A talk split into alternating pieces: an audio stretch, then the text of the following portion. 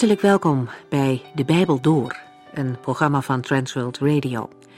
De Bijbel Door is een radioserie die u in vijf jaar meeneemt door de hele Bijbel. Van Genesis 1 tot Openbaring 22.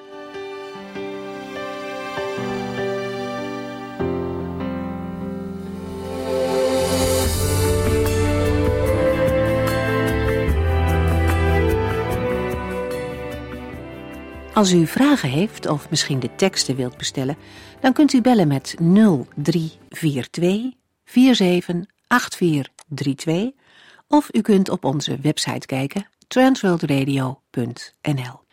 We lezen momenteel in deze serie uit de tweede brief die Paulus naar de gemeente in Korinthe schreef. Hoofdstuk 4. En nog even iets over die eerste verse van dat hoofdstuk. Paulus pakt de draad weer op en vertelt over zijn bediening. In het werk voor de Heer maakt hij van alles mee. Lijden door tegenstanders, maar ook zorg om de gemeente. En soms zelfs tegenstand en strijd van binnenuit. En toch verliest Paulus de moed niet. Dat komt, zegt hij, omdat hij beseft dat God hem zelf dit werk heeft toevertrouwd. Als u regelmatig naar de Bijbel doorluistert, herinnert u zich vast nog dat we pas geleden over Nehemia hebben gesproken. Hij was ook zo'n doorzetter, iemand die de moed niet verloor, omdat hij wist dat zijn opdracht van God was. Zowel Paulus als Nehemia lieten zich niet ontmoedigen door wat mensen van hen zeiden. Ze wisten dat ze recht voor God stonden en vanuit die kracht boden ze de tegenstand het hoofd. Wie voor God werkt, krijgt ongetwijfeld te maken met moeite en kritiek. En natuurlijk is het goed om te kijken of die kritiek terecht is. Ten slotte kunnen we er zelf ook naast zitten. Maar als die kritiek onterecht is, dan moeten we ons nooit van de opdracht van God af laten houden. Dan mogen we het in ons gebed aan de Heere vertellen en bij Hem weer nieuwe moed putten om verder te gaan met de taak die Hij geeft. Een van de taken die alle christenen hebben, is om de liefde en de heerlijkheid van God bekend te maken. Voor de een is dat ver weg, voor de ander is dat thuis in de eigen omgeving. We lezen verder in hoofdstuk 4 over de rijkdommen die christenen hebben gekregen en uit mogen delen.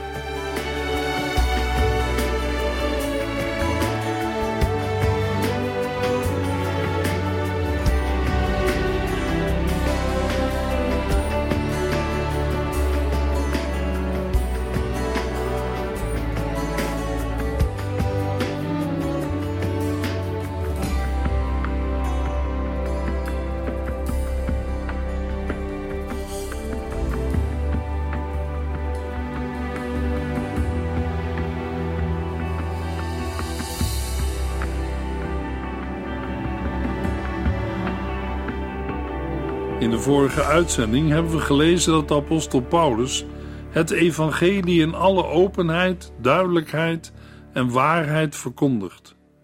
Maar sommigen kunnen het niet zien omdat ze verblind zijn. 2 Korintiërs 4 vers 3 en 4 Als het goede nieuws dat wij bekendmaken voor iemand verborgen is, is het verborgen voor hen die op weg zijn naar de eeuwige dood. De God van deze wereld, de duivel, heeft hen verblind, zodat ze het goede nieuws niet geloven. Zij zien het stralende licht van Christus niet, die het beeld van God is. De inhoud van het evangelie is het stralende licht van Christus. Christus is opgestaan uit de doden en door God verheerlijkt. Degenen die in hem geloven zullen straks in die heerlijkheid delen.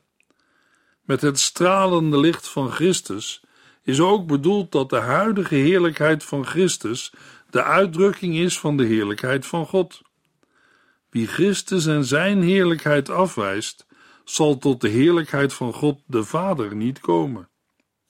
In 1 Johannes 5, vers 12 lezen we: Wie dus de Zoon van God heeft, heeft het leven. Maar wie de Zoon van God niet heeft, heeft het leven niet. Anderzijds weer klinken in vers 4 ook de woorden van Genesis 1, vers 26. De mens geschapen naar Gods beeld en gelijkenis. In de volmaakte mens, Jezus Christus, is het beeld van God tot zijn recht gekomen.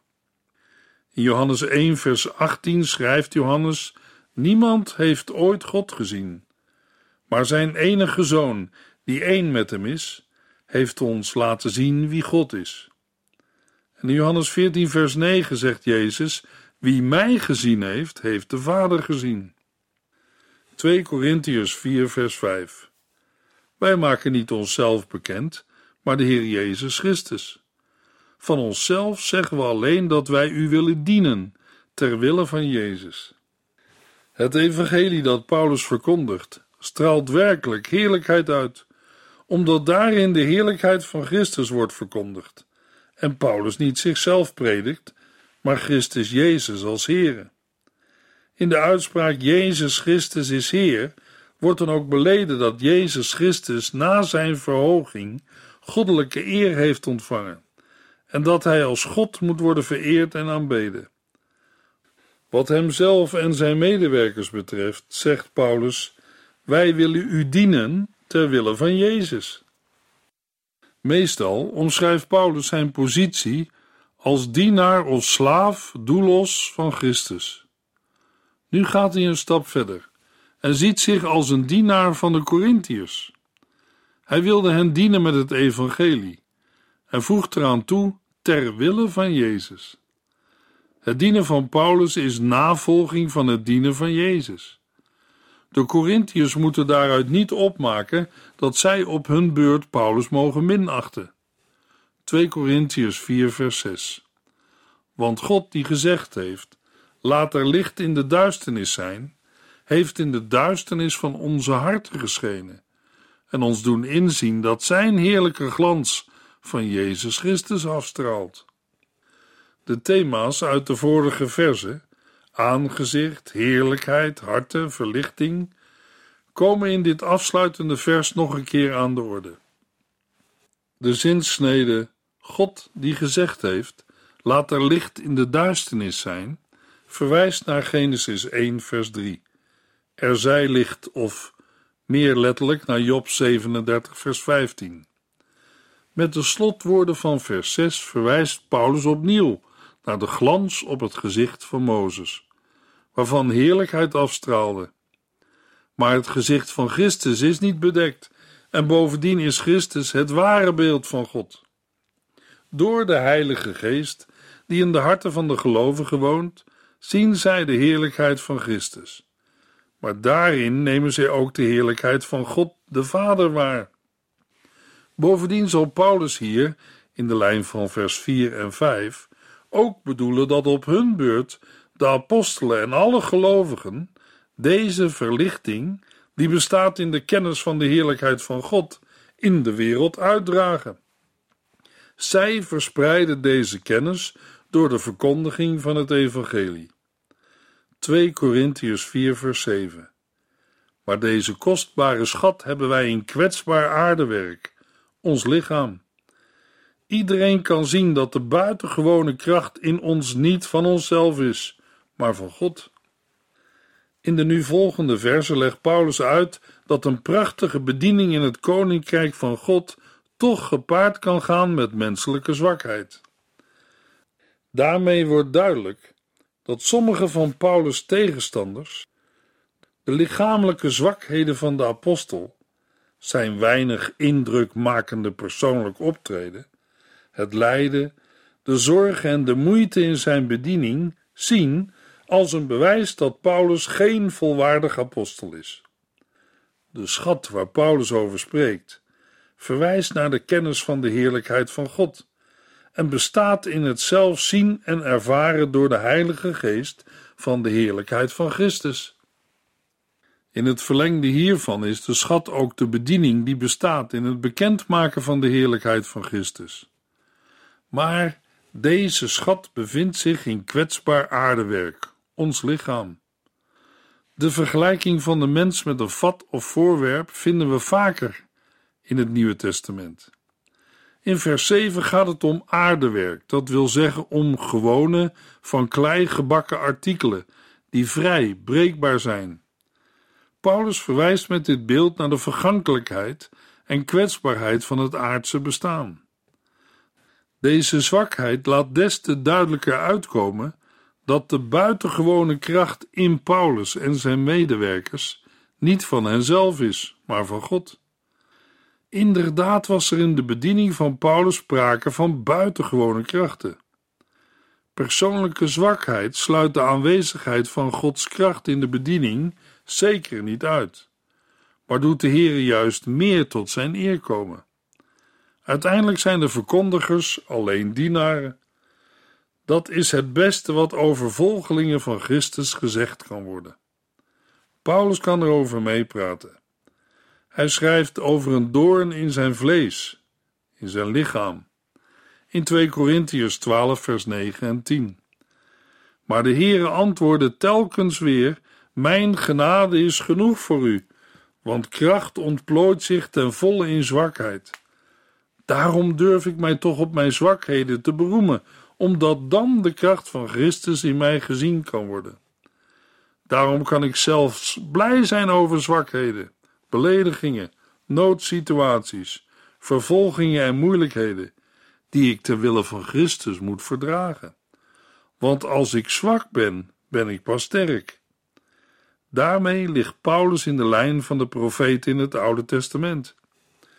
In Zacharia 4 vers 6 zegt de Heere door Zacharia aan Zerubabel, niet door kracht of door geweld, maar alleen door mijn geest zullen de dingen plaatsvinden.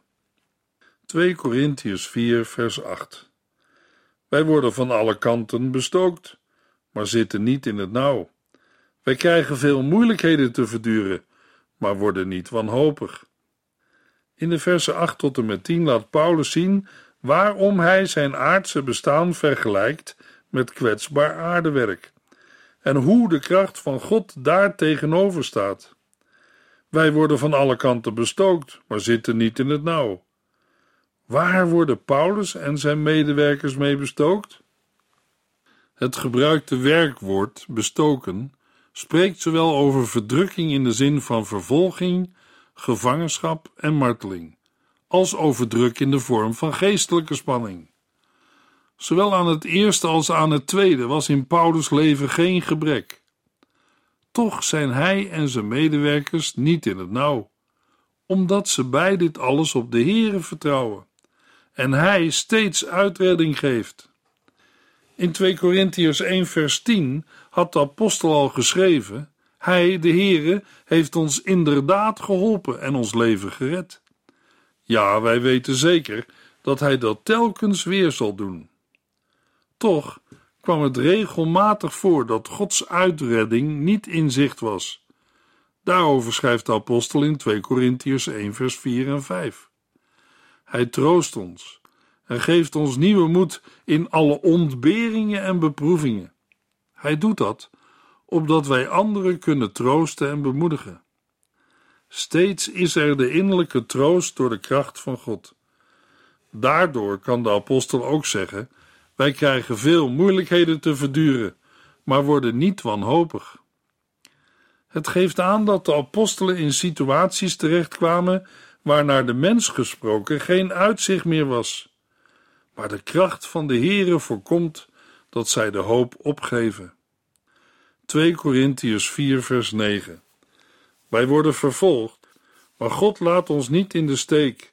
Wij worden neergeslagen, maar staan telkens weer op. Bij vervolgd worden moeten we denken aan de vele vervolgingen die Paulus, net als de andere apostelen en verkondigers van het evangelie, heeft moeten doorstaan. In 2 Korintiërs 11, vers 23 tot en met 31 noemt Paulus een aantal concrete dingen. Ik heb in de gevangenis gezeten. Ik ben ettelijke keren afgeranseld. Ik heb meermalen oog in oog met de dood gestaan.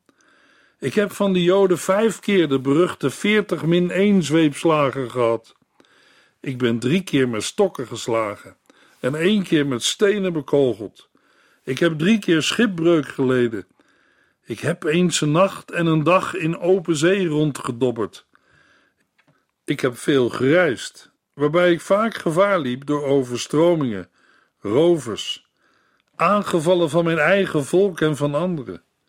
Altijd dreigde er gevaar: rellen in de steden, dood in de woestijn, verdrinking op zee, verraad door valse christenen.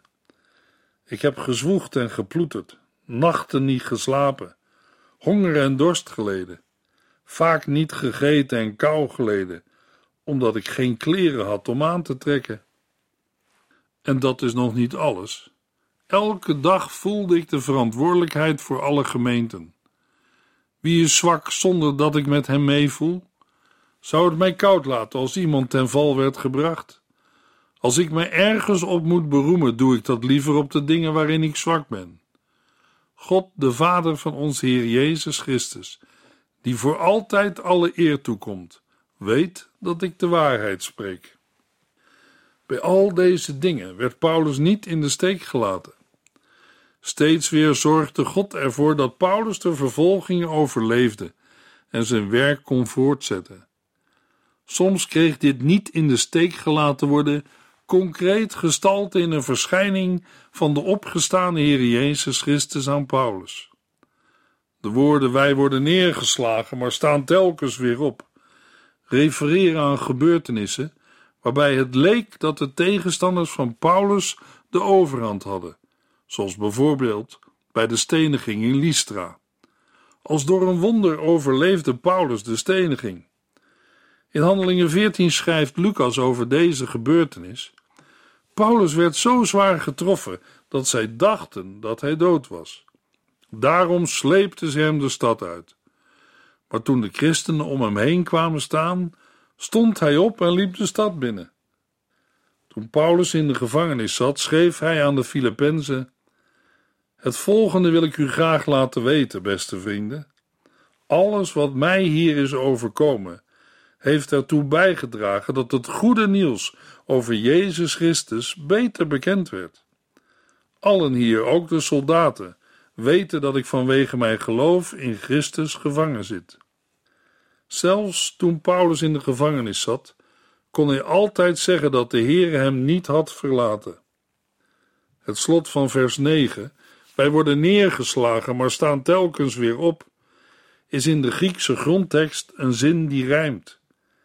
In de Nederlandse vertaling is het rijm verloren gegaan, maar het lijkt op: wij zijn wel neergeslagen, maar niet omgeslagen, in de zin van omgekomen. Zelfs aan het einde van zijn leven kon de apostel getuigen: Ik heb de goede strijd gestreden, de wedloop tot het einde gelopen, het geloof behouden.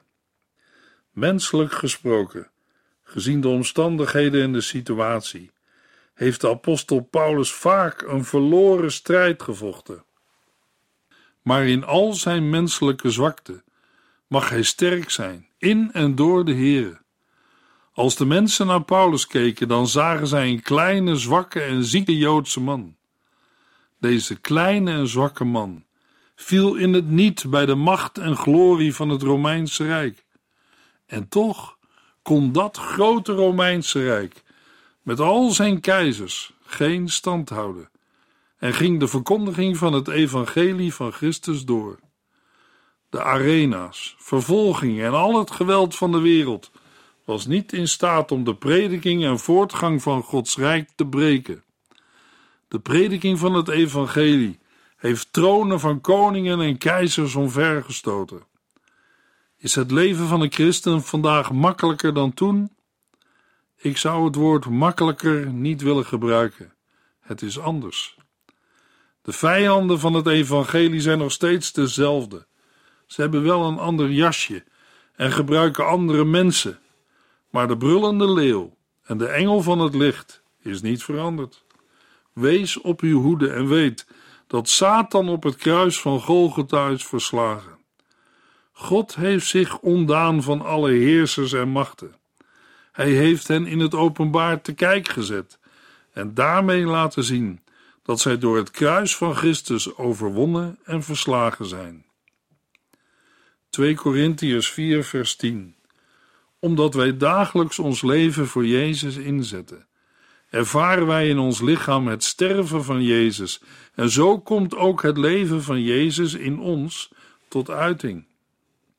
Het lijden van Paulus dat door zijn tegenstanders wordt opgevat als een bewijs van zwakte en een teken dat hij geen echte apostel is, staat daarentegen niet op zichzelf.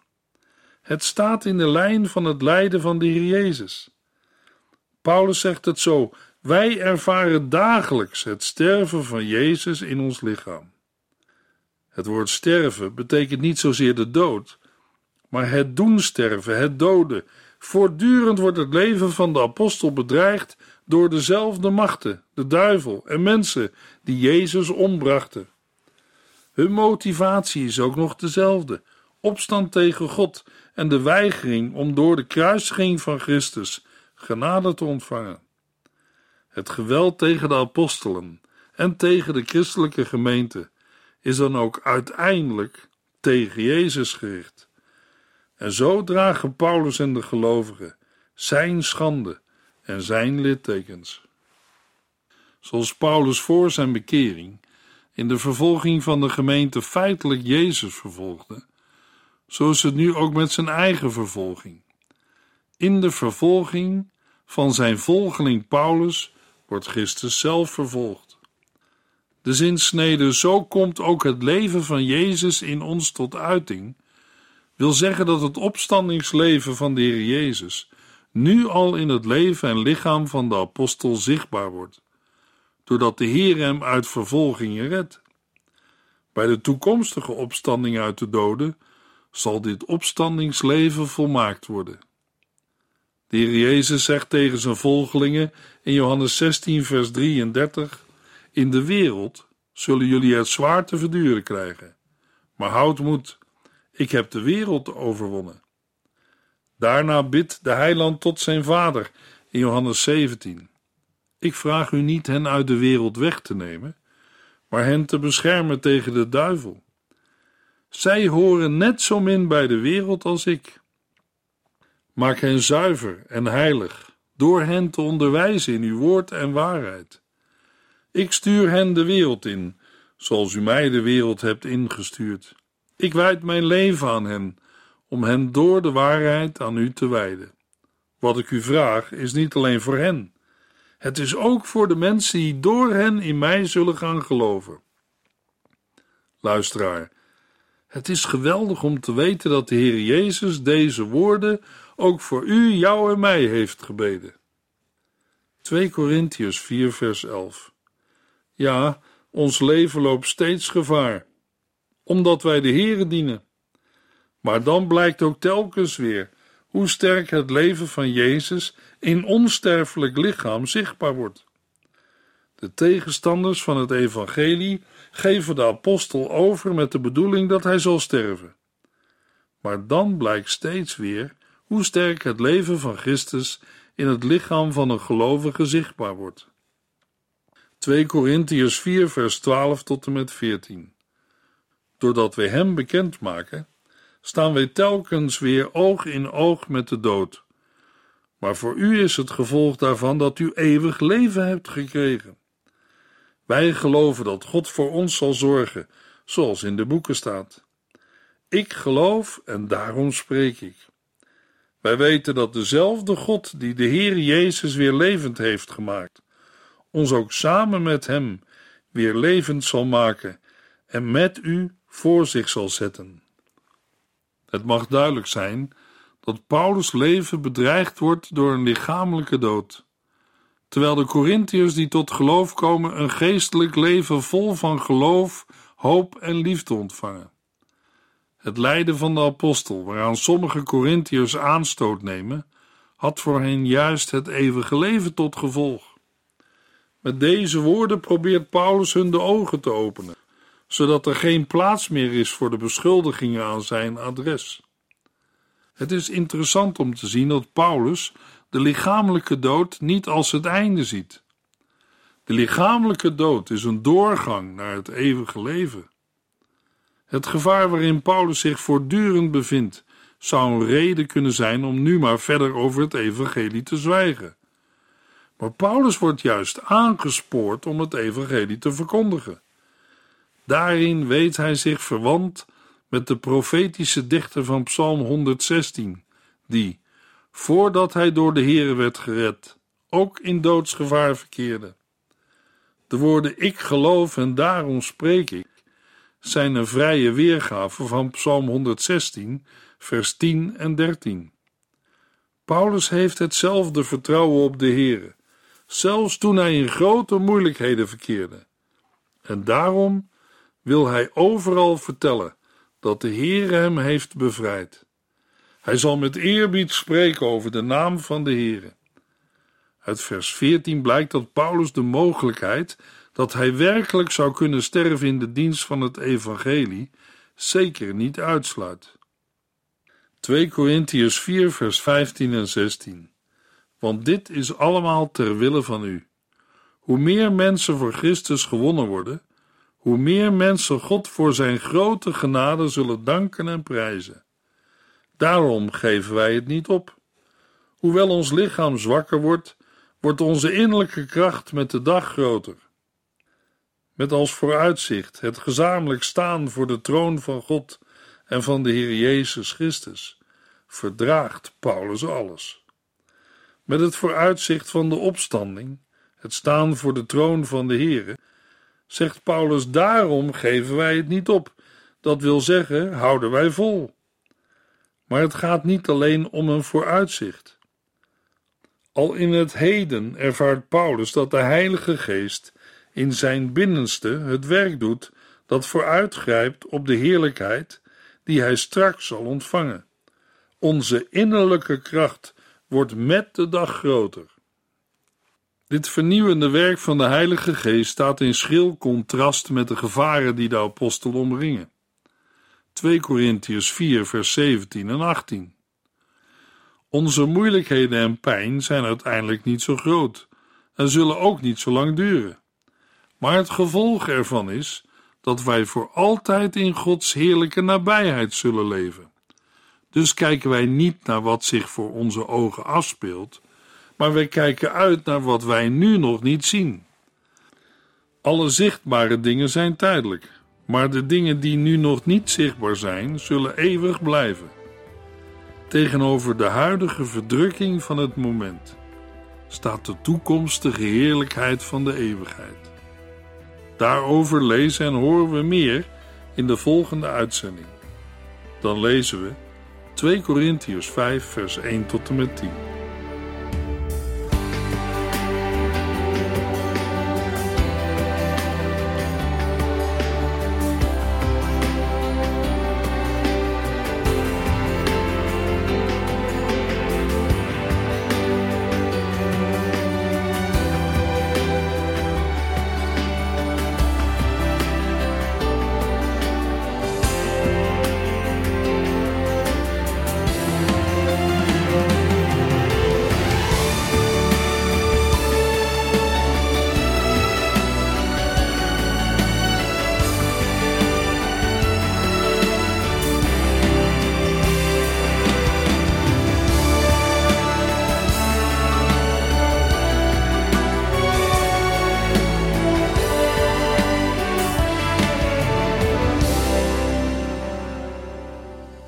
Geluisterd naar De Bijbel Door. In het Nederlands vertaald en bewerkt door Transworld Radio. Een programma waarin we in vijf jaar tijd de hele Bijbel doorgaan. Als u wilt reageren op deze uitzending of u heeft vragen, dan kunt u contact met ons opnemen. Tijdens kantooruren kunt u bellen op 0342 47 8432. 0342 47 8432. 32. Ook kunt u een e-mail sturen naar de Bijbel door transworldradio.nl en natuurlijk kunt u ook via de post ons bereiken. TWR, postbus 371, postcode 3770, AJ in Barneveld. Dit programma werd gepresenteerd door Cor Weda en Ike André. Techniek was in handen van Odin van Woerdekom. En wij allemaal bedanken u voor het luisteren. Graag tot de volgende keer.